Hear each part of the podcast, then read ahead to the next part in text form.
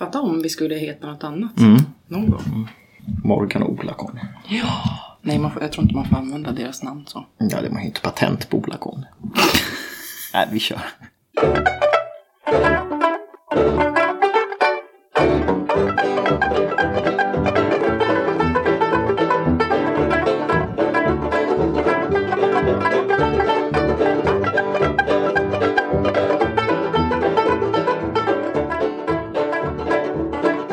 Varmt välkomna till Designpodden. Hej, hej. Nu är det dags för ett eh, nytt avsnitt och ett avsnitt vi har längtat lite efter va?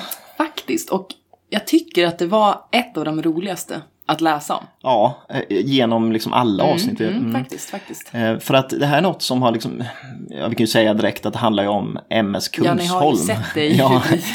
Och det är ju ett ämne som vi har snuddat vid några Mm. gånger liksom på grund av olika formgivare och så som vi har Exakt. pratat om.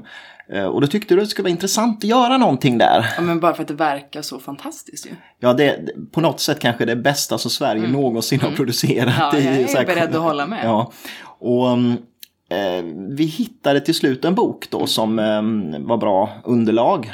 Ja, den var väl fantastisk. Mm, för att den just en hel bok som enbart handlar om eh, fartyget MS Kungsholm. Mm, grym. Ja, och den heter ju MS Kungsholms inredning. Och är skriven av Ann-Marie Eriksson och utgiven på Signum förlag. Och den är ju verkligen ett tips om man vill fördjupa sig i, i det här med MS Kungsholm. För det, det är, alltså om inte annat bara bilderna är ju Ja, en alltså. dröm. Mm, verkligen. Så att Jag fann knappt ord. Nej, alltså det är så fantastiskt. Och vi kastar oss in i det här avsnittet, för det här kommer att kunna bli lite långt känns det som, Mm. Men det spontant innan. matigt, Ja. Och du ska ju faktiskt börja, vilket ju är galet. Ja, jag, jag börjar aldrig, utan Nej. det är alltid du som har inledningen och så. Mm. jag. Men, eh, Så vi okej. kör ett sånt upplägg. Och, och vi som pratar heter ju då som vanligt Sanna och Andreas och ni lyssnar på Designpodden.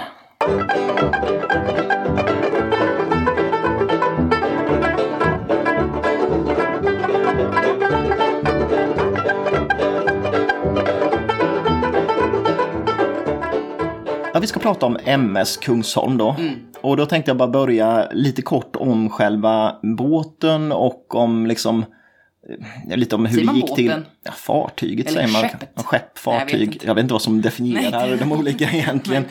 Men först och främst tänkte jag säga MS då. Mm. Det står ju för uh, Motorship. Jaha, coolt. Och ja, det, det är ju liksom, för innan var till exempel Titanic var ju ett SS, eh, Steamship. Jaha, Eh. Så att, eh, och det var ju när man övergick då från ånga till, ehm, till en mer dieselturbin då, så Men, då kallar ja, man dem... Men det är eh, precis, för när, när Jack och Rose springer runt där nere där, de, där de skyfflar in kol. Ja, då är det ju koleldade Just skepp. just Och de tidigare skeppen som, som även Svenska Amerikalinjen hade haft och så, det var ju eh, också... Svenska vad? Amerikalinjen. eh, så då, då, det var ju också ångskepp. Mm. Men, då, men, just Kungsholm var ju inte det. Och ibland kallar man den också för TMS. Ofta i Sverige i alla fall TMS Kungsholm. Mm. Och det betyder tydligen turbinmotorseglaren. Man Ja, ville väl okej. trycka lite på det här att det är en ny typ av motor. Och, eller ny, men det var ju ändå så här modernast man hade då. Eh, Och jag tänkte jämföra lite också så man fattar eh, storleken ungefär på det. Eh, Båten var 180 meter lång. Och det säger ju ingenting. Men då sökte jag på... Eh, Titanic. Nej, Viking Cinderella bara för att man har något som man, Ja, man kanske ja, har sett. man kan man kanske har Ja, åkt man den någon gång. Ja. Nej, så det vet man ändå inte. Men eh, om man har sett Cinderella eller åkt med den, då vet man att det är en stort stor båt liksom. Ja, jo, jo. Och den är 191 meter, så den är ungefär lika stor okej. faktiskt. Det är så pass, ehm, ja. mm, så det är ju en rejäl, rejäl bit eh, båt, om man säger. Det är ingen eka vi snackar om. Nej, så långt tror jag man förstod. Eh, Och grejen är att ehm, Kungsholm beställdes 1926. Då Mm. beslutade man sig för att man ska eh, bygga den. Och det ska vara ett systerskepp till eh, MS Gripsholm som hade byggts två år tidigare. Och grejen var att eh, det, är ju den här svenska Amerikalinjen då som, som ehm, eh, var rederiet bakom. Och det var deras chef Dan Boström, ha, eller Broström hette han. Han ehm, eh, hade just en sån här tanke att man skulle ha två ungefär likvärdiga eh, båtar som skulle gå mellan Sverige och USA. Eh, och liksom, det- så idén var ju hans, men han dör redan 1925 i en bilolycka. Jaha, usch då. Eh, Men den som tar över efter honom, eh, en Axel Kalander, han gick vidare på samma idé då. Så att eh, därför så till slut så fattar man ju beslut att man kan, ja, man kan ha råd att bygga det här Hur fartyget. fan man nu kunde... Ja, det är dyrt alltså, och det kom vi in på bra. snart. Men de kollade runt lite vilka, vilket varv är bäst att använda sig av. Och i Sverige hade vi ju en del varv, bland annat i Göteborg. Det fanns ju, eh, varv är ju där man tillverkar fartygen. Varför heter det så? Ja, jag vet inte, det heter varv. Ehm, och, och i Göteborg hade man ju Götavarven som var liksom jättestora på eh, just fartygstillverkning. Men de gjorde mest ehm, alltså fraktfartyg, så att inte så mycket passagerarfartyg. Och dessutom så hade man ju infört åtta timmars arbetsdag i Sverige så att eh, produktionstiden var lite för lång kom man fram till. Man skulle inte kunna bygga fartyget så snabbt som eh, svenska Amerikalinjen ville, ville att de skulle göra. Så då kollade man runt och då kom man fram till att ett tyskt varv eh, som hette Blom und Voss eh, skulle vara det bästa alternativet. De gav också bästa, bästa anbudet. Och de hade också byggt andra fartyg till eh, Amerikalinjen också då så att eh, de visste att det var ett bra, bra varv. Och tanken var lite från början att, att ehm, fartyget, alltså liksom skrovet skulle byggas i Tyskland. Och sen så skulle det transporteras, alltså seglas upp då när det väl var färdigt, själva ut, ytterhöljet om man säger, till Sverige. Och så ska man bygga all inredning och allting i Sverige. Men det var man inte så pigg på från det här varvet i, i, i Tyskland då. De ville göra hela jobbet. Eh, Så att han, Rudolf eh, Blom, som var en av dem eh, som ägde det där eh, företaget, han övertygade till slut eh, det svenska företaget att nej, det är bättre att göra allting i Tyskland. Så beslutet blir ju att, att all inredning och allting ska monteras på plats i Tyskland. Så man fick ju skeppa ner all inredning, alla konstföremål, allting till Tyskland och färdigställa det där. billigare? Ja, en orsak var lite att eh, man gjorde mycket annan så här inre, alltså som all panel, eh, typ allt ifrån liksom väggar till tak och golv och sånt. Eh, det var en tysk firma faktiskt som gjorde det. Någon som hette Die Deutschen Holzkunstwerkstätten i, i Bremen som, som eh, gjorde det. Och då var det egentligen sånt kanske som var det tunga om man säger. Sen att det är lite konst och möbler och sånt, det kanske var ett, ja det är mycket men det är ju ändå kanske inte ett så stort jobb för att eh, man ska också tänka på att eh, de här konstnärerna och de som var verksamma, de, var inte, de fanns ju inte i Göteborg, va? utan de kunde finnas i Norrland eller i Skåne. Så att egentligen jo. kanske, man hade ju ändå behövt göra en transport av föremålen, så att då blir det inte så jättemycket längre att, att köra ner dem till Tyskland egentligen. Ja, det är ju en tolkningsfråga. Ja, det blev, det blev billigare i alla fall. Ja, det är ju klart. Ehm, det fanns dock ett problem med det här och det var att en orsak till att man hade råd att bygga eh, båten var ju att eh, man fick eh, statsanslag liksom, från svenska staten. Och man fick ett anslag på 6 miljoner kronor eh, för det här projektet. För det var väl att det var bra för Sverige på något sätt. Man hade en sån här båt som kunde liksom, glänsa med svensk företagsamhet och sådär. Men grejen var att hade man byggt båten i Sverige så hade man fått ytterligare 2 miljoner i anslag. Så man tappade 2 miljoner där. Eh, Så att eh, möjligen var väl kanske det här att man skulle montera vissa delar av båten i Sverige ett sätt att kanske man trodde man skulle kunna kanske få lite mer anslag på Ja, det sättet ja. och sen, ja, men jag vet inte. Men jag går in bara lite på liksom rent tekniska detaljer kring den för att det är inte så jätteintressant men det är ändå lite kul att veta, ja, ungefär va. Ja, jag kan behöva lära mig Mm. lite. För eh, den här maskinen då, eller motorn i båten, eh, den var dansktillverkad eh, från en firma som hette Burmeister eh, och Wein i Köpenhamn. Och det var en, något som hette en dubbelverkande dieselmotor. Vet inte alls vad det är, Nej. men det var tydligen det senaste då liksom, eh, som fanns. Och eh, toppfarten när man gick på max, den var mellan 15 till 18 knop. Nej, men då, då kan man jämföra med Cinderella igen här bara för att man ska tänka på liksom hur det är idag. Och Cinderella kan gå i 23 knop när det är som max. Okej. Så det är ungefär eh, Ja, det har inte gått likvärdigt så där. mycket framåt då, eller? Nej. Däremot fanns det ett problem, det var att den här motorn var ju väldigt stark då för sin tid, men den orsakade väldiga vibrationer tydligen när man gick på max. Så att eh, det var inte så behagligt egentligen att åka med båten. För man fick det här, ja, Ja, ja jo, jo, man kan, vet, kan precis, tänka ja. sig, så det är som idag när man åker en båt fast tio gånger värre liksom. Fy. Eh, och eh, den gick ju då Göteborg till New York. Och övergången där tog åtta dagar. Eh, och då ska man tänka på att de snabbaste båtarna som fanns då, och det var främst de som gick från England då ju, de gick på ungefär fyra dagar. Så att det var ju inte en jättesnabb båt egentligen eh, jämfört med eh, många av konkurrenterna. Men då skulle man konkurrera med andra saker istället då som vi kommer till då. Gick inte Titanic från Irland? Gick nog från Irland ja. Eh, nämna en liten parentes. Det var att när eh, man skulle testköra eh, Kungsholm utanför det här varvet i Tyskland ja. så sprängdes faktiskt maskinrummet av någon anledning så åtta personer dog. Oj. Och man hittade båten drivande ute i vattnet där. Okay. Men man åtgärdade det, man boxerade tillbaks då, där in till varvet och lagade. Så att det var, men det var lite olycksdrabbad redan från början där. Mm. Men det intressanta egentligen i det här projektet är ju det här konstdelen och, och uh, utsmyckningen av båten. Ja, det är det vi bryr oss om. För det är det vi bryr oss om och det är det som gör att Kungsholm skiljer ut sig från uh, egentligen alla andra svenska båtar som, och alla internationella ja, också nästan. Ja, uh, och Därför började man ju direkt då eh, tidigt från eh, varvets eller från Amerikalinjens sida leta efter en lämplig arkitekt att, mm. att, eh, som skulle leda eh, arbetet. Mm. Och då ska man ju veta att, för det här är ju sent 20-tal och då råder det en ganska hård konflikt i konstvärlden mellan de här traditionalisterna och funktionalisterna. Mm. Och det har vi pratat om tidigare.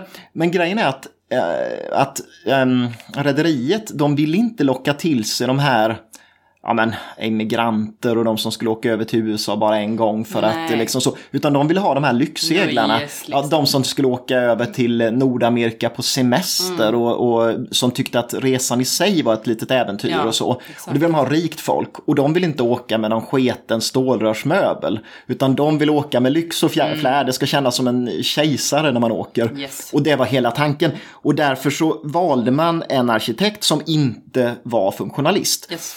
Och valet faller då på Carl Bergsten. Mm. Och eh, han hade ju visat vad han gick för på bland annat Parisutställningen 1925. Och eh, därför så tyckte de att han passade väldigt bra till det här uppdraget. Mm, vilket jäkla uppdrag. Ja, ett enormt uppdrag. Och han får göra direkt, eh, för han hade sitt ritkontor i Stockholm. Så att um, det, han var inte Göteborgsbaserad utan han fanns i Stockholm. Han anställde direkt fem stycken unga arkitekter som då, det var Harald Bergsten som hans bror. Mm. Eh, Rolf Engströmer, Gunnar Jakobsson, Enar Leffler och Oskar Nilsson. Leffler? ja, Oskar Nilsson har man hört talas om lite kring möbler och så i alla fall. Men eh, eh, han var ju tvungen i alla fall då att knyta till sig folk och direkt mm. börja rita för att det var tidspress. Man skulle vara klar med den här så fort det ja, bara gick. Ja. Och det här ritkontoret då låg på, ja, vid Gustav Adolfs torg i Stockholm ungefär. Och det var ganska tydligt från början att det var liksom Carl Bergsten som var den som bestämde på ritkontoret över mm. de andra. Eh, de kallade sig själv för slavarna, de som jobbade för honom. Det vara så med ett manligt geni mm. som bestämmer. Och de fick olika så tilldelade arbetsuppgifter vad de skulle ansvara för för mm. områden på båten. Och Gunnar Jakobsson han då skulle ansvara för första klass rökrum och simhallen och mm. andra klass entré. Och, Nästan mina favvisar. Ja, kommer vi. ja det, det är ju de, bland de trevligaste. Mm. Ja. Och sen Rolf Engströmer var första klass entré och sällskapsrum. Ja, inte fel heller. Nej. Och Ena Leffler då andra klass skriv och läsrum. Så det var ja, kanske inte riktigt lika högt upp. På, men det är fint. De var ju men det ansågs säkert inte liksom. Eh, så, och sen Oskar Nilsson, han eh, fick ansvara för möbelbiten på båten. Mm. Eh, och eh, grejen var väl att svenska Amerikalinjen, de, de gav eh, Carl Bergsten konstnärlig frihet. Mm. Liksom så här, du, du får göra som du vill, men. Och så fanns det en klausul i det här avtalet som han hade. Och då stod det så här. Är citat? Ja, det är ett citat. Arbetet ska utföras med förstklassigt material och bästa tillvägagångssätt. Skulle under arbetets gång visa sig att mindervärdiga material kommer till användning äger rederiet genom sin representant rätt att påfordra att det mindervärdiga arbetet utan kostnad för rederiet på nytt utföres med förstklassigt material. Okay. Så tanken var att gör som du vill, men det ska göras på det allra bästa sätt det går och med de dyraste materialen du kan använda Men av. vilken jäkla grej mm. att få göra. Så att det är ju drömmen givetvis för Bergsten, ah. det här projektet. Och grejen var att arbetet gick ju fruktansvärt fort för att man skulle jämföra det med om man bygger ett hus på den tiden eller så. För grejen var att man sjösatte eh, fartyget någon gång sommar 1927. Okej. Och eh, 11 november 1928 så seglade första gången. Och då ska man göra hela det här arbetet med all inredning och allting ska monteras. Så ett, ett år ungefär så är man helt klar. Det är galet. Och jag tänkte ta några korta ord om Bergsten då eftersom han är ju gör så det. viktig för, Oh ja. för det här projektet. Och vi kanske någon gång gör något avsnitt om honom för att det är ju en intressant och viktig... Mm. Ja, lite grann bara. En kort sammanfattning om Carl Bergsten. Ja. Men han föddes 1879 i Norrköping. Och var alltså 47 år gammal när han fick det här projektet. Och han hade ju hunnit göra en väldig massa saker innan förstås. Och han rivstartade karriären lite kan man väl säga för att redan 1904 när han var nyutexaminerad så vann han första pris för sitt förslag till byggnaderna för Norrköpings konst och industriutställning 1906. Så det var ju två år innan utställningen var då. Men, och eh, till, i samband med den här utställningen också då så ritade han eh, Strömsholmen, eh, en restaurang i Norrköping. Och till den här restaurangen gör han ju sina, de här svarta stolarna brukar de bara kallas. Jag tror inte de har något namn. De där med fönster. Ja, det är en, o- precis, det är ju en oval eh, geometrisk rygg. Exakt, de är coola. Och de är ju väldigt dyra idag för det finns bara några bevarade. Den här restaurangen brann ner och man, man räddar en del inredning. Och eh, dessutom så är de ju så extremt icke-svensk typiska om man säger. Eh, grejen var att, att ehm, han reste runt mycket i, liksom i Europa eh, tidigt. Så direkt efter utbildningen så reste han runt i Ja, mycket i Tyskland och Österrike ser man ju i formgivningen. Men han åkte också i, i bland annat eh, Turkiet under ett helt år för att få liksom, inspiration utifrån.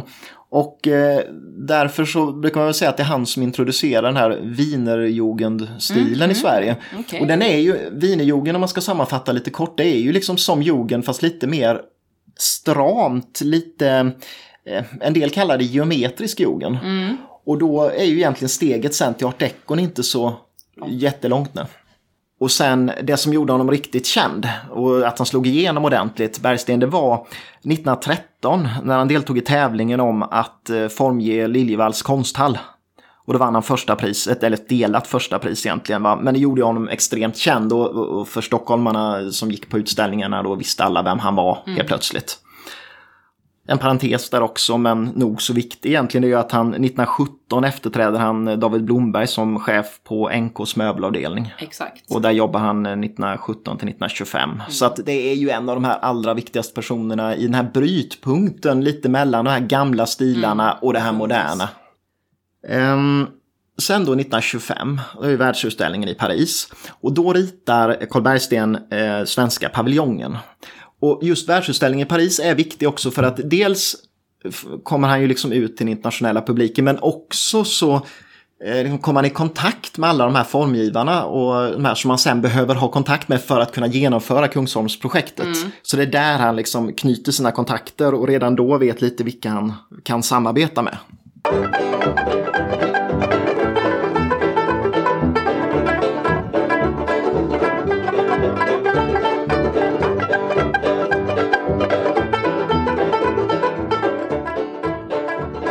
Nu ska vi komma in på det jag tyckte var roligast. Ja, Eller det, jag vet inte varför. Jo, jag vet varför.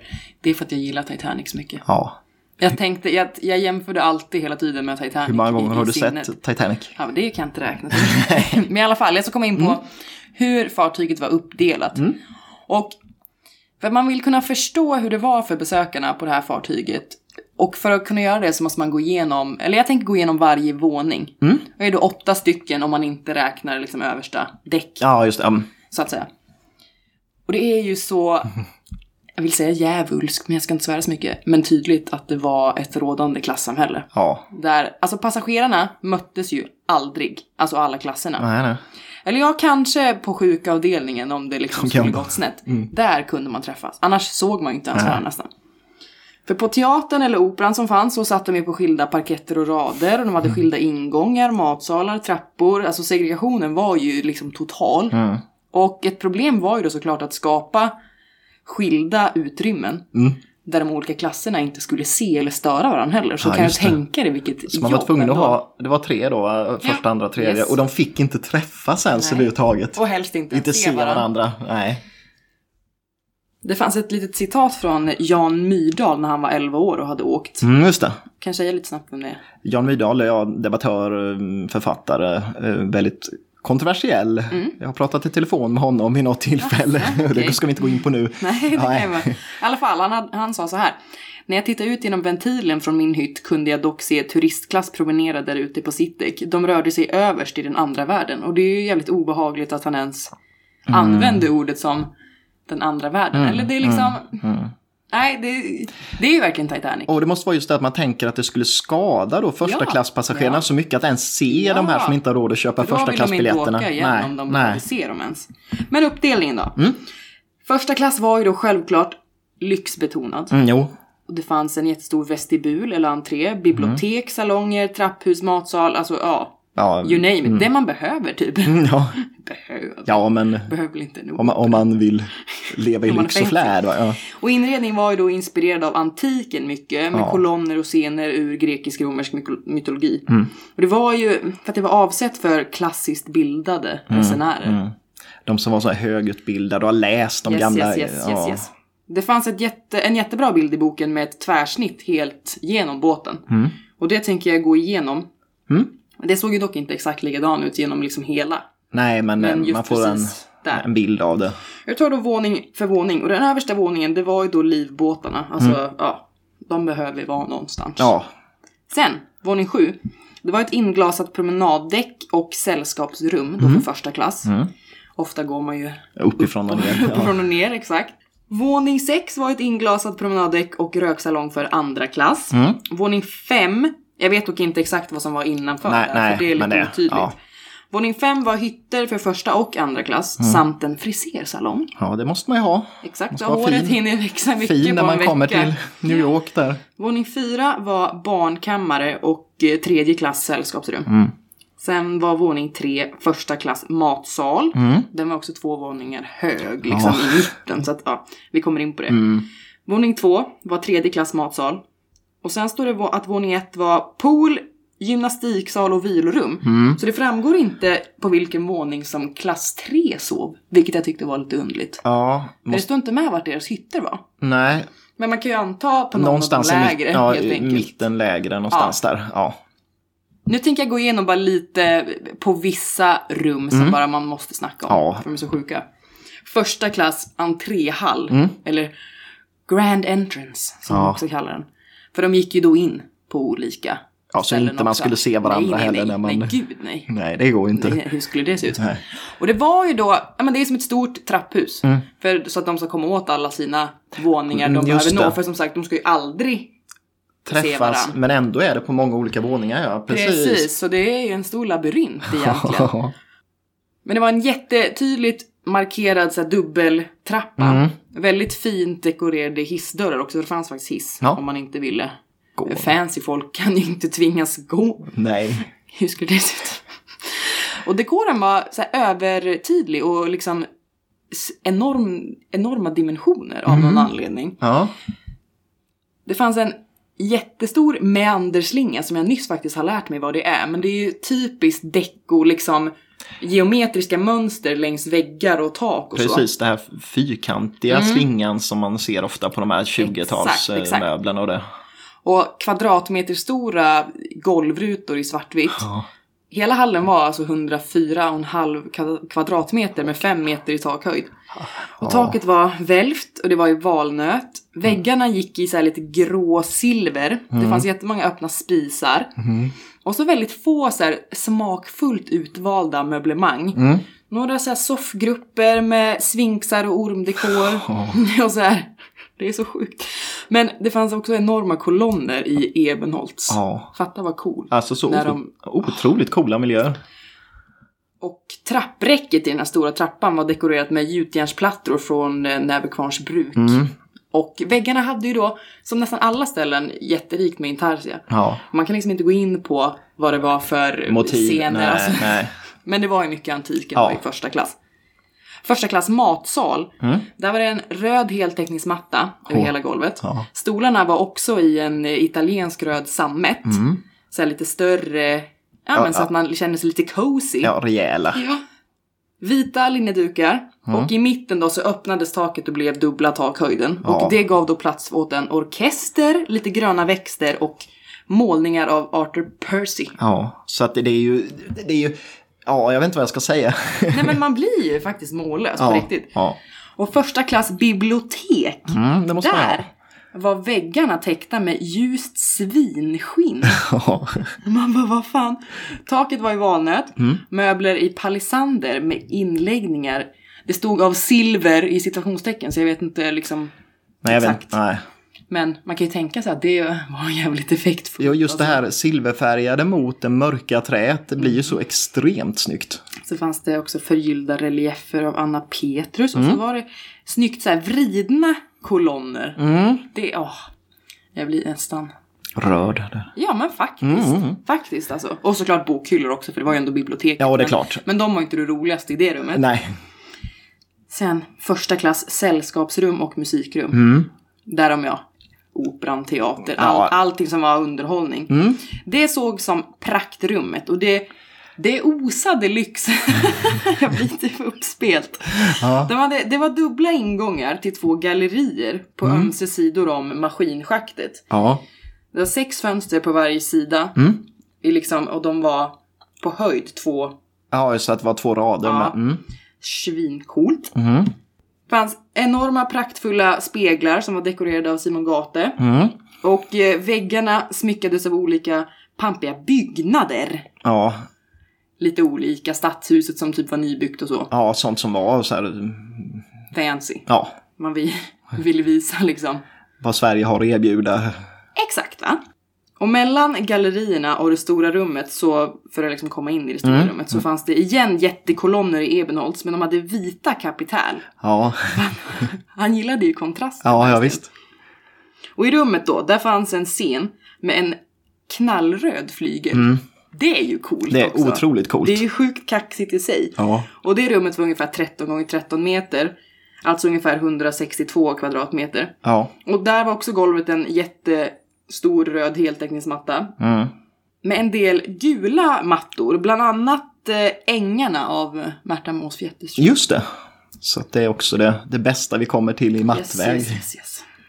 Alltså det blir ju att jag mest tar upp första klassställena. Ja, men det är ju det de som är. Crème de la crème. De beskriver faktiskt tredje klass mycket mindre också i boken, Mm. men det är inte konstigt. Nej. Men första klass verandacafé, det var de här inglasade promenadstråken. Där var det korg och rottingmöbler liksom, för det var lite mer utomhuskänsla. Ja. Men det fanns en fontän Mm. med massa blommor runt. Och en skitstor fågelbur Jaha. med levande Med fåglar i. Och det fanns också ett bridge room och en bridge room. Ja. Bridge room och en bar. Ja, såklart. Måste man ha. fanns bar på lite fler ställen också men. Sen ska vi prata lite om andra klass entréhall för den Ja. var ju också skitcool. Även där var golvet svartvitt linoleumgolv. Det blir så kontrastfullt. Men något också hemskt fast coolt var att det var sälskinn på väggarna. Säl. Ja. Och en, det var så här, jag vet inte exakt vilken säl, men de är liksom ljusare på magen och mörkare uppe på. Så det blev liksom som ett mönster. Av sälskinnet. Av. Ja. Och väldigt mycket intarsia även där. Mm. Ja, och den här hallen den genomborrades av aktermasten.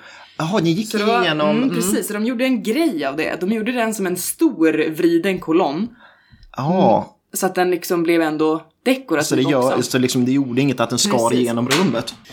Och runt den så gjorde de ett bokbord som hölls upp av fiskkroppar. Så tydligen behövde man ett bokbord som man liksom kan... Jaha, Jag vet så, inte varför man ska lägga boken där. nej, man ska stå där och hänga. Ja, jag vet inte men... Det måste man ju få göra någonstans också. Ja. Färgerna här var i alla fall brunt, blått och rosa. Ja, det ligger rosa i Mm, där också. Taket var kassettak, som är mitt typ favorittak Mm. ever, och det var ju ljusblått. Trappan var rikt dekorerad med havstema. Mm. Och ja, intarsian var ju ofta ja, något havsgudar eller någon fisk eller så. Ja, lite marint eh, Ja. tema. Och i den här entréhallen fanns det också en bokhandel, skrivplatser och en läshörna. Så det var väldigt så här bokbetonat i den här Ja, det var som att du ska sitta och läsa. Men det var på något sätt då, som att det här ändå var arbetare fast Ja, det var ändå, högt upp liksom i- Precis, övre och medelklass sådana som egentligen. eh, behöver hålla på med. Ja, men eh, som ändå också är bildade och så. så Exakt va? Andra klass sällskapsrum och musikrum. Den salongen var helt klädd i mahogny Mm. med intarsia med vikingamotiv. Det låter ju lite så här, jaha. Random, men det är ju Men svenskt. ja, ja, precis. På golvet låg en jätteljus, tänkte jag säga, en jättematta som var ljus av Elsa Gullberg. Och eh, möblemangen var också i mahogny och de gjordes av NKs verkstäder i Nyköping. Just det. Och de gjorde mycket mer, men det går jag in på lite senare också. Ja. Andra klass matsal, den var ungefär dubbelt så stor som första klass matsal. För det skulle ju ändå vara väldigt mycket fler människor i den. ja, många fler som åkte andra klass. Exakt. Även här var det mörka kolonner i rader som liksom höll upp taket. Och det var laxrosa och mörkblått. Ja, det, men det är kontraster och Ah. färger, ja. Det är ändå fantastiskt. Ja, eh, otroligt. Och alla möbler var även här i mahogny och av NKs verkstäder i Nyköping. Simhall fanns det ju också då, Mm. Ja, längst ner. Och den var ju både för första och andra klass faktiskt. så båda, där fick de eh, dela ja, på det. men ja. då inte tredje då. Nej. Fick ju inte Nej, det är vara klart. med. Tyvärr. Nej. Och bassängen var 13 gånger 6 meter. Och även här var det ju kolonner, men det var mycket mer i svartvitt tema. Så man tänker att det Ja, lite. liksom ser ut i ett Sim- fancy ja. simhus liksom. Mycket delfiner, fontäner, ja. Ja, som eh, lyxig simhall. Som en lyxig simhall, vilket det ju var det Ja. det var. Tredje klass entré då. Mm. Färgskalan var brunt och rött, inte lika kul. Nej. Men det var ädla träslag överallt Ja, det skulle det väl vara. Det skulle inte få Precis. finnas Nej. någonting som inte var... Så det var ju teak och mahogny. Mm. Taket var randigt och det var också tygerna på möblerna. Aha, man som körde ett också gjordes sånt av Elsa Gullberg. tema då på det. Men rödbrunt är inte de mest charmiga färgerna. Nej. Men ja. Mm. Tredje klass matsalar, för de hade faktiskt två stycken. För de skulle ju vara flest då. Ja. Skulle rymma, eller rymde ungefär tusen personer när det var liksom full. Ja. Satt. Och där var färgerna blått och vitt. Och det var också mycket randigt. Det fanns blåvitrandiga kolonner och gardiner. Och det Mm. var många så små bord och små stolar. Ja, just det. Så att eh, det är faktiskt allt som står om tredje klass. Så Ja, det... här igen nämns ju inte hur, liksom inga hytter eller så. Nej. Och sen stod det någonstans där att, att Bergsten var inte... Det var egentligen bara tredje klass han inte skulle kontrollera allting kring. Jag tror inte man la... Okej. Det var, han skulle ändå... Han gick ju igenom allt och gjorde det Mm. ändå noga. Men det var inte... Uppdraget var inte lika viktigt i tredje klass. Så det var säkert Nej, men- lite mer standardinredning också som fanns där då om man säger. Ja, så det ser ju väldigt standard ut om man jämför liksom. Ja. Men det är ju fortfarande fint. Ja, materialmässigt och så, så är det ju inte att jämföra med. Liksom... Där skiljer det ju från Titanic. Ja, det gör det. Mycket. Ja, det går inte att jämföra. Jag förstår att Titanic-filmen inte är real, men ändå. Tredje klass på Titanic var nog inte så fancy ändå va? Nej, det tror jag inte. Nej.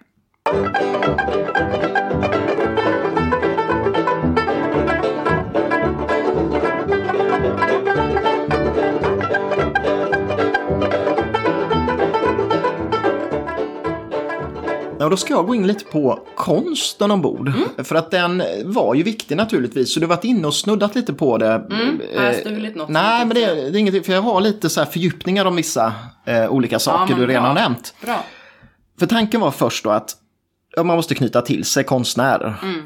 Och det behövdes lika många konstnärer till det här projektet som det gick åt till Stockholms stadshus när det byggdes. Så att det är ju ett enormt projekt. Och man skrev ett avtal med varje konstnär. Och i de här eh, avtalen så står det först och främst då exakt vad konstnären specifikt ska göra för någonting. Ehm, eh, och eh, varje avtal var undertecknat både av Carl Bergsten och Svenska Amerikalinjen.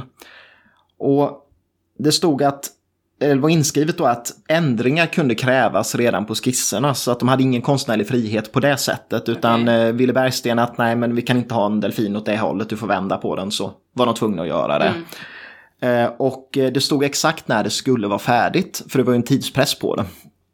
Och det stod också exakt vad de skulle få betalt för arbetet så att det var en i förhand bestämd summa helt enkelt oavsett hur lång tid det sen i praktiken tog att göra de Nästan olika lite sakerna. skönt dock väl? Jo, men det är väl det. Du får 15 000 om du gör det här. Och det var Carl Bergsten som var den som ledde urvalet av även konstnärerna, alltså inte bara hantverket utan även konsten ombord då. Och eh, det fanns ett kriterium då när man valde ut konstnärerna. Okej. Och det var att eh, konst, de- det det var någon kul formulering, vi ska se. Eh, de skrev det att konsten ombord måste vara av en sådan art att den fungerar att leva med i åtta dagar oavsett passagerarens smak. Fast vadå? Hela båten är ju skitstora kontraster och Jo, men jag vet. tacky. Men deras grundtanke från början var ändå så här att går du på ett museum, ja då gör du det frivilligt, gillar du inte kan du gå därifrån. Men på en båt är du fast där. och då kan fast- vi inte ha något Fast som... man kan väl gå någon annanstans? Jo, det är sant. Ja, ja. Sen fanns det en sak till som påverkade konsten. Och det var ju sjöfartsreglerna. Man fick inte ha en massa lösa föremål. Och det gjorde att målningar i huvudsak integrerades i väggarna så att man Yes. målade på paneler och liknande. Då, Och intarsia. Och intarsia förstås. Eh, man gjorde liksom skulpturerna, de var ofta fastsatta ja, i till exempel trappräcken och sånt Ja. så att inte de kunde åka runt. Och eh, man använde lampskärmar, man graverade glaset i dem och hade det liksom fast i taket istället för att ha andra glasskulpturer. Och dessutom gjorde man mycket av det man själv kallade för nyttokonst. Men det är ju helt enkelt liksom skulpterade handtag, eh, räcken som är skulpturer också. Så att de här bruksföremålen ombord också blev konst. Så att det är ett smart sätt att kunna ha konst utan att behöva ha en massa vaser som står och kan välta om det är sjögång. Liksom. Men det är ju det som ger en det här maffiaintrycket. Ja. Det är därför jag är helt tagen. För att varenda liten Ja, detalj varenda är liten- dekorerad ja, på något vis. Ner i minsta lilla beståndsdel. Galet. Och då hade man då det här samlade temat man skulle ha på all konst. Och det var sjöfart och staden Göteborgs historia var någon tanke att man skulle liksom ja, integrera. Och det man också blandar in är ju, man blandar in USA med tanke på att många av resenärerna är ju spända på att åka över till Nordamerika och man ska kolla på New York och så. Så att det finns ju liksom s- skyskrapssilhuetter bland annat i viss intarsia. Och vikingatema. Eh, mm, och vikingatema finns, det kommer jag in på faktiskt. Där lite. Men eh, sen hade man också lite annat som skulle symbolisera USA. Så då hade man eh, indianer och cowboys på vissa motiv. Hamburgare. Nej, det hade man inte. Men däremot hade man minor, tanks och krigsfartyg. Oj, oj så att det, det var... Eh, Så liksom krig och krig, död. redan då var USA så här förknippat Ja. med eh, krig. Härligt. Ehm, men det var lite det som var temat i alla fall. Och i huvudsak sjöfart då. Men det man kan se då som däremot inte finns ombord egentligen alls. Det är nationalromantiken. Det, det är ju inte ett nationalromantiskt tema på båten trots att det ska vara då det här flaggskeppet för landet Sverige. Eh, Men då fanns det då de här undantagen. Och då var det bland annat vikingamotiven som är klassiskt nationalromantiskt motiv. Och så finns det vissa Dala-inspirerade målningar också. Asså. Men annars finns det ingenting som är liksom Fast det här hela tidigare. båten och hela inredningen skulle ju ändå representera vad Sverige kan. Och så. Ja, så den blir ju nationalromantisk Trots att man inte sig. konststilmässigt behöver lägga den så. Eh, Men det fanns också en konflikt i det här projektet och det var lite mellan rederiet, Svenska Amerikalinjen som hade huvudkontoret i Göteborg och Carl Bergsten som hade ritkontor i Stockholm. Och där blev det en viss konflikt Stockholm-Göteborg. För att bland annat så eh, i sällskapsrummet där i första klass så, skulle, så, så ville Bergsten ha en Stockholms-silhuett på väggen. Men det får han nej på så det blir en Göteborgs-silhuett istället. så det var masthugget eller som visade då på där. Men då hämnas han och eh, i rökrummet i, eh, i andra klass var det väl så är det en, en Stockholms-silhuett ihop med skyskrapor från New York. Så att han, han liksom försöker få in Stockholm i det här projektet ändå då för han tycker att det är... stadshuset fanns någonstans. Mm, det är nog där också den i rökrummet. Mm. Och eh, det är en lite djupare konflikt också egentligen eh, än bara liksom geografiskt. För konstmässigt fanns det ju eh, det fanns Göteborgsskolan som ju var mer eh, liksom färg och fokus och ljus och så. Och sen så var det Stockholmsskolan i konsten som var mer modernistisk och lite så avantgardistisk. Ja, men precis. Men, men det, givetvis var ju det också lite så här, var ska vi lägga oss någonstans och vilka ska vi fokusera på? Så att det där var en konflikt som fanns. Men jag tycker, jag går inte in mer på den nu, men, Nej, men eh, det var ändå tråkigt. naturligtvis mycket, mycket beslut innan man kommer fram till Ja. där man hamnade då. Men hur som helst, eh, i alla fall. De konstnärer, det var ju många konstnärer som var inblandade i projektet, men jag skulle nämna ett antal namn här som man i alla fall rabblat upp dem, så Ja, ja. har man hört dem. Och det är Ansgar Almqvist, Anskar. Mm. Arthur Percy, Ja. eh, som du har nämnt redan. Jerk Werkmäster, Brita Höllin, Ivar Johansson, Anna Petrus, Mm. Gustav Sandberg, Bertil Damm, Ossian Elgström och Kurt Ljungstedt. Och det här är ju ett antal, vissa har man hört många gånger, vissa har man knappt hört talas om. Yes. Men det som är värt att nämna är de som inte var med.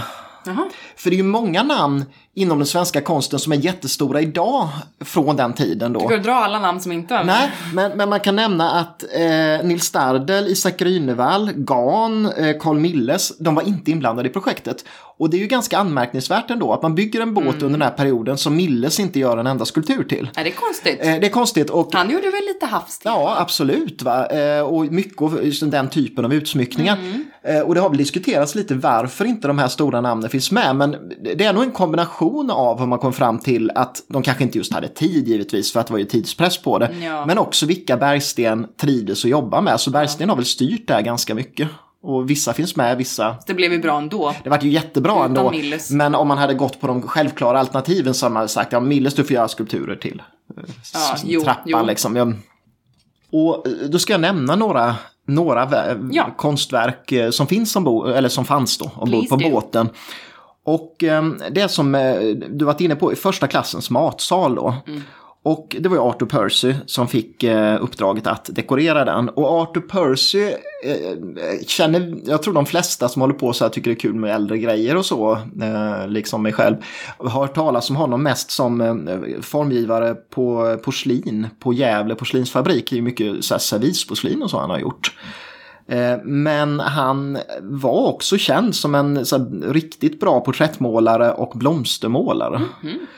Och han gjorde då till den här matsalen så gjorde han en fris som fick namnet eh, Konst, vetenskap och idrott. Och det är just där den ska symbolisera hela samhället med de här bra svenska konstnärerna, ve- svenska vetenskapsmännen och eh, hela den ganska bilen. Mm. Den var, men riktigt, ja, riktigt fin. Han hade inspirerat, det är också så klassisk inspiration. Han hade inspirerats av Rafaels målningar i Vatikanen och det var liksom en, det var en sån anda på den även om den inte... Naket. Ja, så här stiliserad, eller ja, jag vet inte riktigt. Det, var- det, det var, man kan söka på den för den är riktigt häftig. Och eh, det som är intressant att se där, den här är ju gigantisk då. Va? Den var, vad sa jag? Den var, inte? Nej, jag kommer inte ihåg. Men den är i alla fall jättestor, jag har inte skrivit upp exakt. Men han, han målade den då alltså på eh, mahognyskivor som var en och en halv gånger en och en halv meter. Så hade han dem i ateljén och, och målade och sen så fick de då skicka ner de här till Tyskland och då åkte han med och Arthur okej. Percy var med när man satte upp dem. Så att det är ju till och med liksom panåerna som man målar på är i massiv mahogny. Så att det är ju, det är ju liksom extremt exklusivt eh, allting där. Och så kommer vi till sällskapsrummet. Första klass. Ja, för där har vi den här flygen som du eh, pratade om. Och den var ju orange-röd då.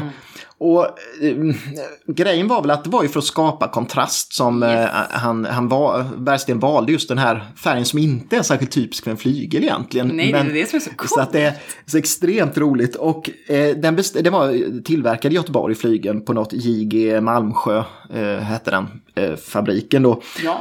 Ja, kan, ja, just det. kan vara släkting kanske. Som musikinstrumenttillverkare. Men då ska vi inte säga, nu, nu, låter det lite så här fancy att ja, men det är en röd lackerad flygel. Men nu kommer det lite detaljer på den då. Pris? Nej, men då väljer man att det är ju ett lock uppe på en flygel. Ja. Som heter, och det står ju oftast öppet. Så då väljer man att det som, som ska dekoreras mest är insidan på locket. Så då börjar man med att förgylla hela insidan. Och sen fick Jerk Werkmäster som var från eh, Dalarna, han fick i uppdrag att dekorera hela lockets insida. Och det här var tydligen ganska svårjobbad insida, för den var ojämn så här, så den var inte riktigt så här jämn yta på den. Så att han, han höll på, han, det höll på att skita sig där, för han höll på inte på, på grundlacker ordentligt än, så att det blev riktigt jämnt över den där. Men det gick bra i alla fall. Och det han gör är att han, han gör ett lite så här lite så här asiatiskt inspirerat motiv med som små tempelbyggnader och sen figurer. Eh, och han gör ett omvänt perspektiv på den här och det är också något som man ser ofta i den just eh, kinesiska konsten till exempel. Det vill säga att liksom, de sakerna som är närmst är minst. Och det som är längst bort är störst. Så vi får en sån här lite så här Ja, det, perspektiv. just Men det blev snyggt i och med att locket är ju, Precis, det lutar utåt. Så att det ja. blir så här verkligen extremt djup i det där. Och då liksom har alltså eh, bara just flygen har man lagt ner så mycket jobb på och skickat det här locket upp till Dalarna. Han har ordnat och sen skickar man det ner till Tyskland och monterar Kan allting. inte konstnärerna röra sig? Skulle de kunna göra, men det tog nog ganska, det tog nog några månader att göra det där locket. Vet du vad järk är på engelska? Nej, Jo men, eller vad sa du? Jerk, ja jo. Det.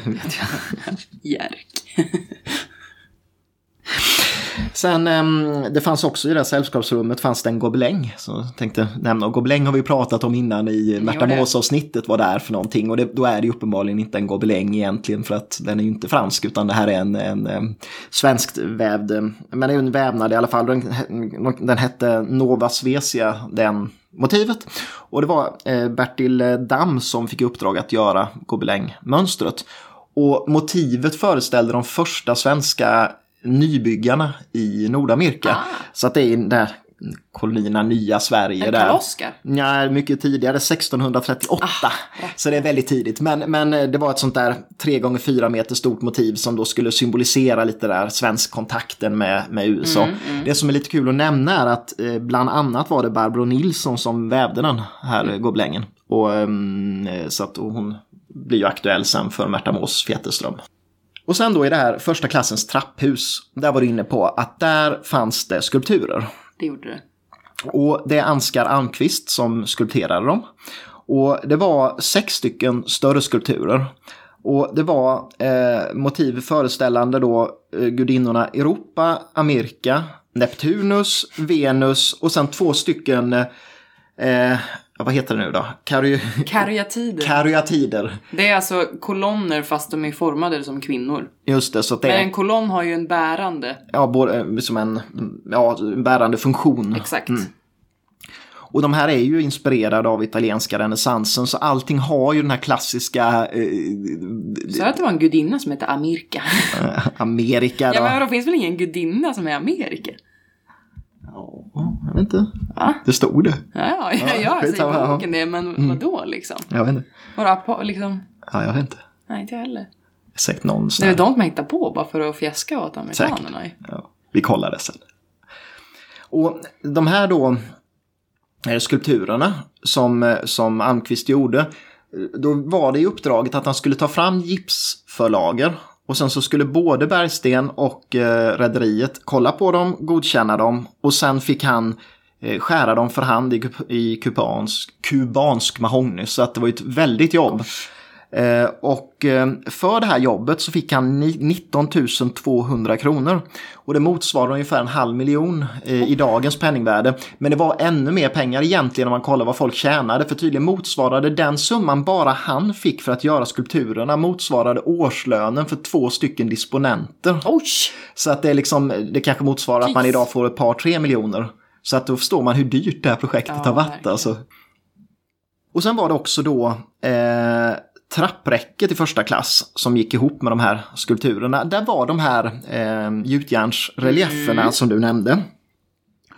Och Karl Bergsten hade från början tänkt sig mytologiska motiv på dem. Så det skulle också vara så här havsguden Apollon och sånt där. Men Gustav Sandberg... Poseidon? Poseidon menar jag. Men Gustav Sandberg som, hade, som fick i uppdrag att göra dem, han ville inte ha det där utan han ville ha mer liksom, socialrealistiska motiv. Och det fick han igenom så att de, de föreställde mer det här vardagliga scener från sjölivet. Så det är så här från varv och det är bilder ifrån eh, liksom, sjömän som jobbar och sånt istället. Och, och det gjordes totalt sett 22 eh, gjutjärnsreliefer som göts då på Nävekvarns bruk. Och de är både så kvadrater men även romformade och rektanglar, lite var, ja, hur det skulle passa då till, Mm. Tänk till om det de här räcket. inte satt fast. Ja, det, det är ju det. Så det var ju säkert noga. Mosat. Ja, precis. Fått en sån i huvudet. Och så måste jag nämna då också eh, kring konsten, det här simbadet. För det var Anna Petrus som fick i uppdrag att göra mycket saker till det. Och eh, hon gjorde bland annat en havsorm i brons som gick upp i vattnet så här. Och den göts på Herman Bergmans gjuteri och det är ju ett av de bästa gjuterierna vi har i, i Sverige liksom. Och eh, Anna Petrus fick också göra hörnreliefer till biblioteket i koppar då och då var det motiv med de fyra elementen så det är också så här ja, riktigt tjusiga grejer. Eh, och sen måste man nämna en sak till och det är eh, öppna, öppna spisen i röksalongen i första klass. För den gör ju också Anna Petrus. Och den är gjutjärn. Och jättetjock så här gjutjärnsram om man säger. Med stjärnhimlens figurer. Mm. Yes. Och då är det ju liksom inte stjärntecknen utan det är ju de här liksom stenbocken och Ja, men, ja. de här olika. Men det är så otroligt mycket Svenskt Tenn över, den, Mm, det över Det det, mönstret. coolt. Och bland den snyggaste så här kamin, eller bras Ja, skärm jag har sett alltså. Och det är också Näverkvarns bruk som göt den.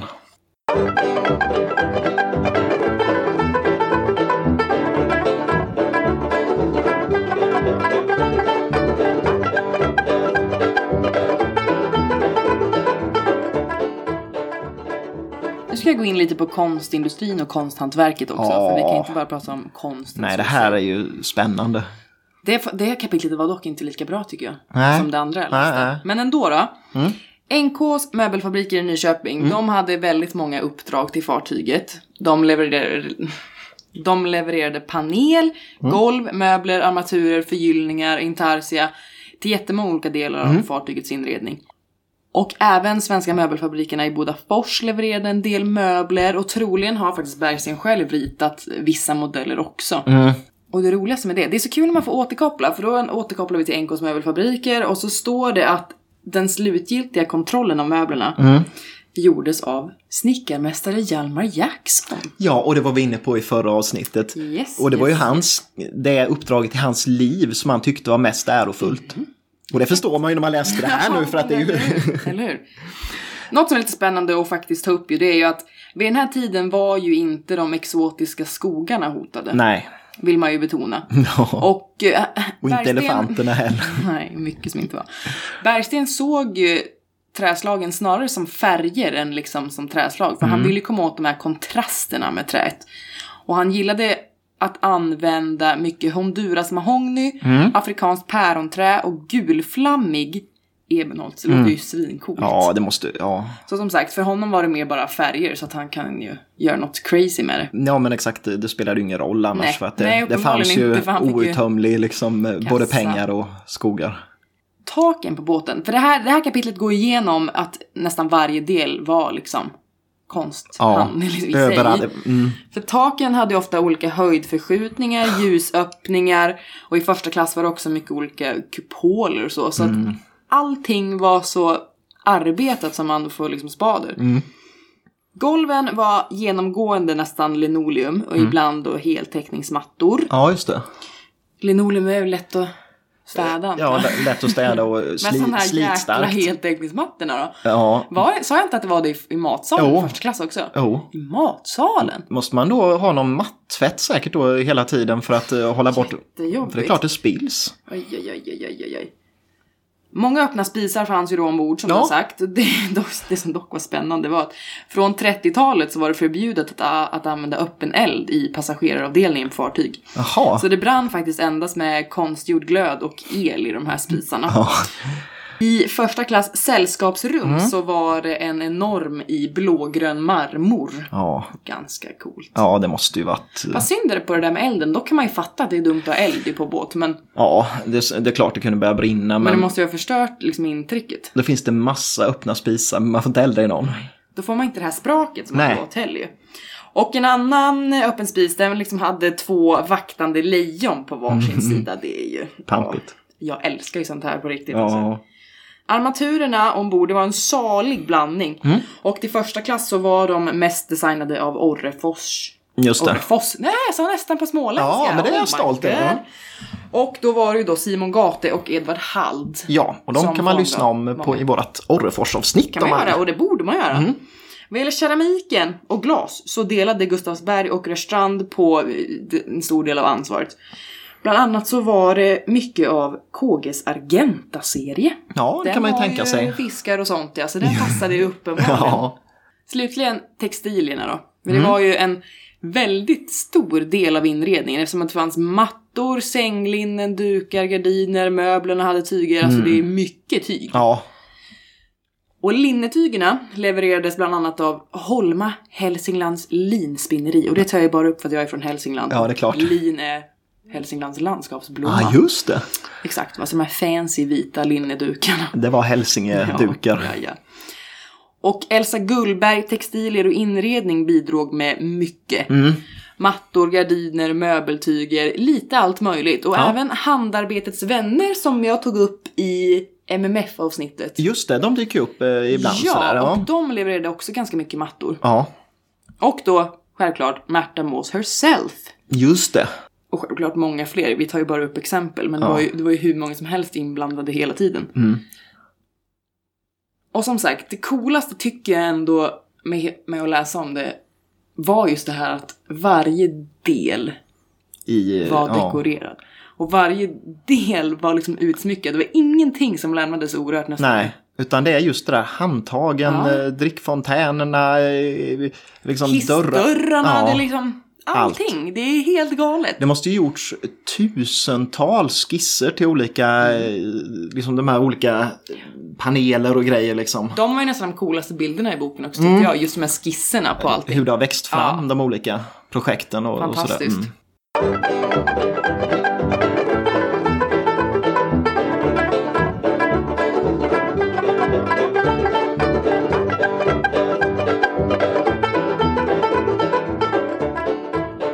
Ja, men nu, nu har vi fått den här bilden av MS Kungsholm tycker jag.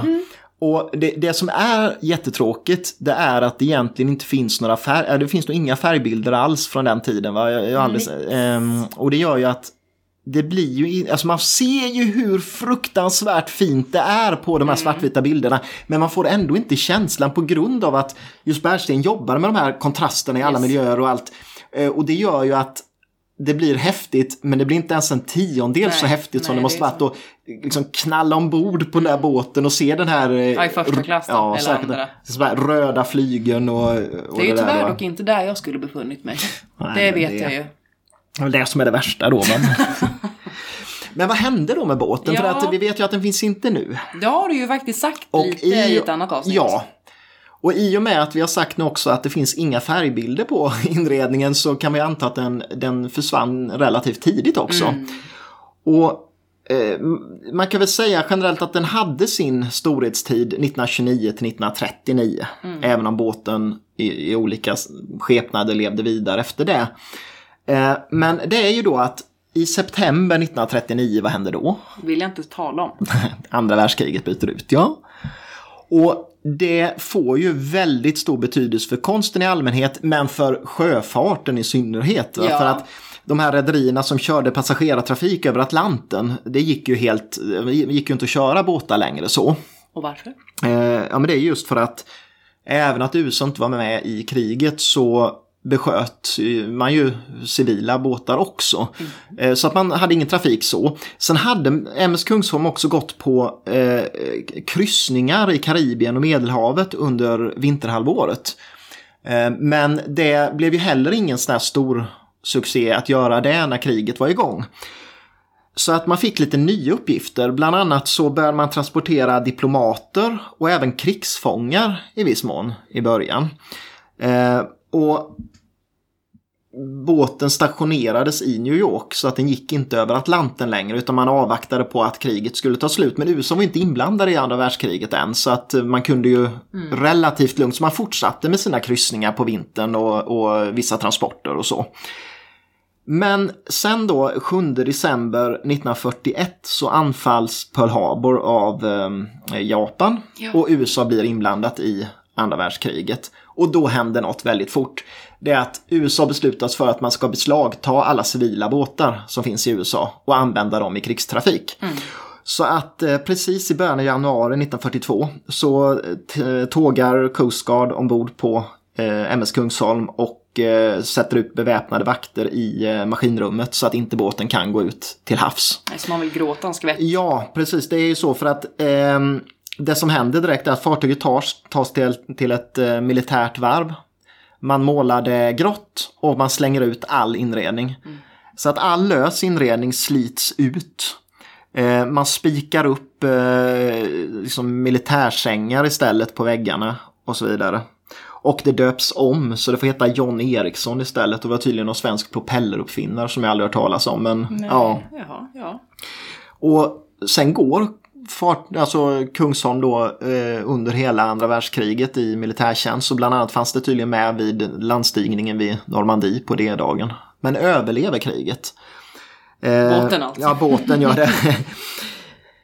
Och det här är ju egentligen en form av, liksom, USA kan man väl säga egentligen kapade ju båten. Mm. Men för att inte göra sig allt för ovän då med rederier runt om i världen så amerikanska staten betalar sen ut en ersättning för det här.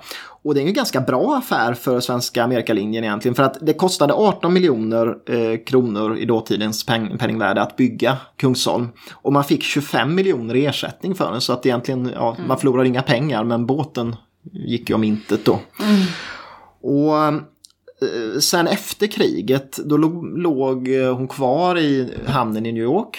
Ehm, men 1947 drabbas eh, båten av en brand så att delar av eh, liksom det som finns kvar brinner upp. Mm. Och efter det så säljs båten tillbaks till svenska Amerikalinjen igen. Eh, men kommer aldrig mer att gå i sån trafik liksom mellan Sverige och USA utan den säljs vidare sen till, eh, ja, till något annat rederi och börjar att gå på liksom kryssningar istället. Och de sista åren som hon finns kvar, då är hon faktiskt ett hotell i Västindien som hette Imperial Bahamas. Så att, ja, jättekonstigt. Och sen skrotas båten slutligen i Bilbao 1964. Bilbao? Mm, ja. Det är ju Spanien. Ja, det är tydligen så de gick över Atlanten en sista gång. Um, av någon anledning, man kanske hade något så här stort ja. återvinnings... Men, Men det som är värt att nämna här är ju liksom just det där att det är det största projektet man har gjort inom mm. svensk konsthantverk. Det är liksom en flytande världsutställning. Mm. Konstant. Tänk om det hade varit stationerat i Göteborg under kriget ja, istället för ja, New York. Då hade det inte blivit sådär. Oh my. Men grejen är att det, det som händer är ju att dels eh, efter tio år så ja, det är ju inte lika mycket nyhetens behag givetvis längre över en, en båt och kriget gör ju att, alltså kriget är ju något större oro alltså för än att man blir av med lite konst liksom.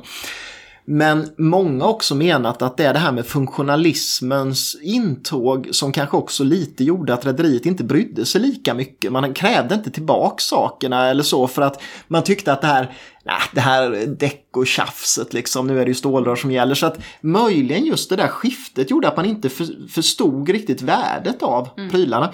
Och det som har blivit resultatet av det idag är att det finns ju ingenting kvar egentligen mm. av inredningen.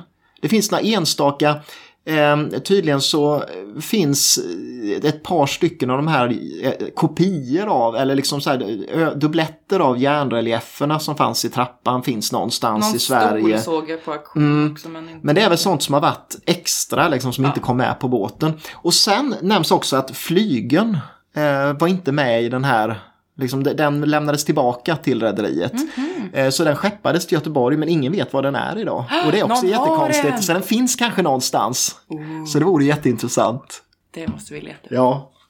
Och med det så är vi klara med avsnittet om MS Kungsholm. Vi avslutar mitt nästan favoritavsnitt. Ja, jag tycker vi gör det. Och jag tycker vi avslutar med, det finns ett citat eller en dikt egentligen på bara några rader som fanns med i tidningen Nordstjärnan. Ehm, och eh, den, ehm, den skrevs efter att USA, eller man sett att svenska flaggan eh, halades och den amerikanska hissades på Kungsholm.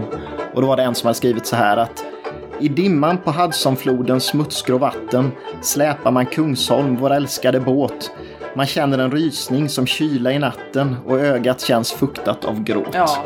Det är väl ungefär en sammanfattning ja, av det det. ödet. Ja, det är kul att ni har lyssnat. Och eh, som vanligt, vill man någonting då eh, tycker jag att man går in på Instagram är väl bra va?